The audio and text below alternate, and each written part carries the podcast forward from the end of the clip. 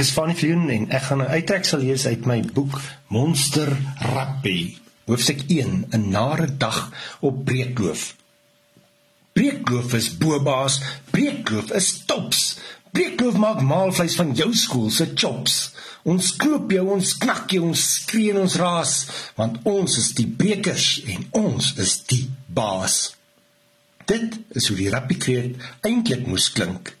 Maar laerskool Breekloof se spelers kom skaars by maalvleis. Toe word Ampikutse naar.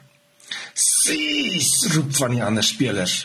Ampi word altyd naar as die rappiespan te hard oefen. Hy waarsku gewoonlik, maar nie vandag nie. Of dalk het die rappiekaptein Ludolf de Beer en die ander ouens hom net nie gehoor nie. Hulle het mos gesing en Ampi praat sag, veral as hy naar is. Lekker ou Ampie, terg toon hierdie vleuel, reg op die middellyn.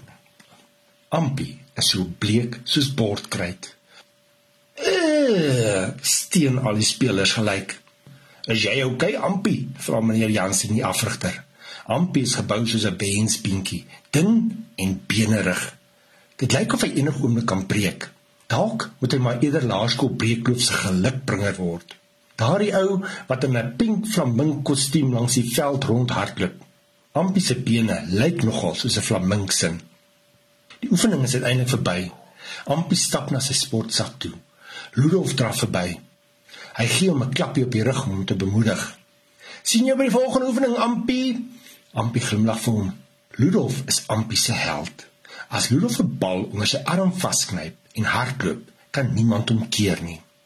As hy wat Ampie is net eendag so goed soos Ludolf kan speel. Met 'n sug trek hy sy sweetpak baadjie aan. Met eens vang sy oog iemand langs die paviljoen. Dit is 'n groot ou met slierte donker hare.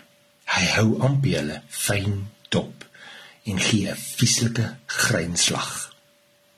Ampie klip sy oë. Maar toe hy weer sien, is die ou weg.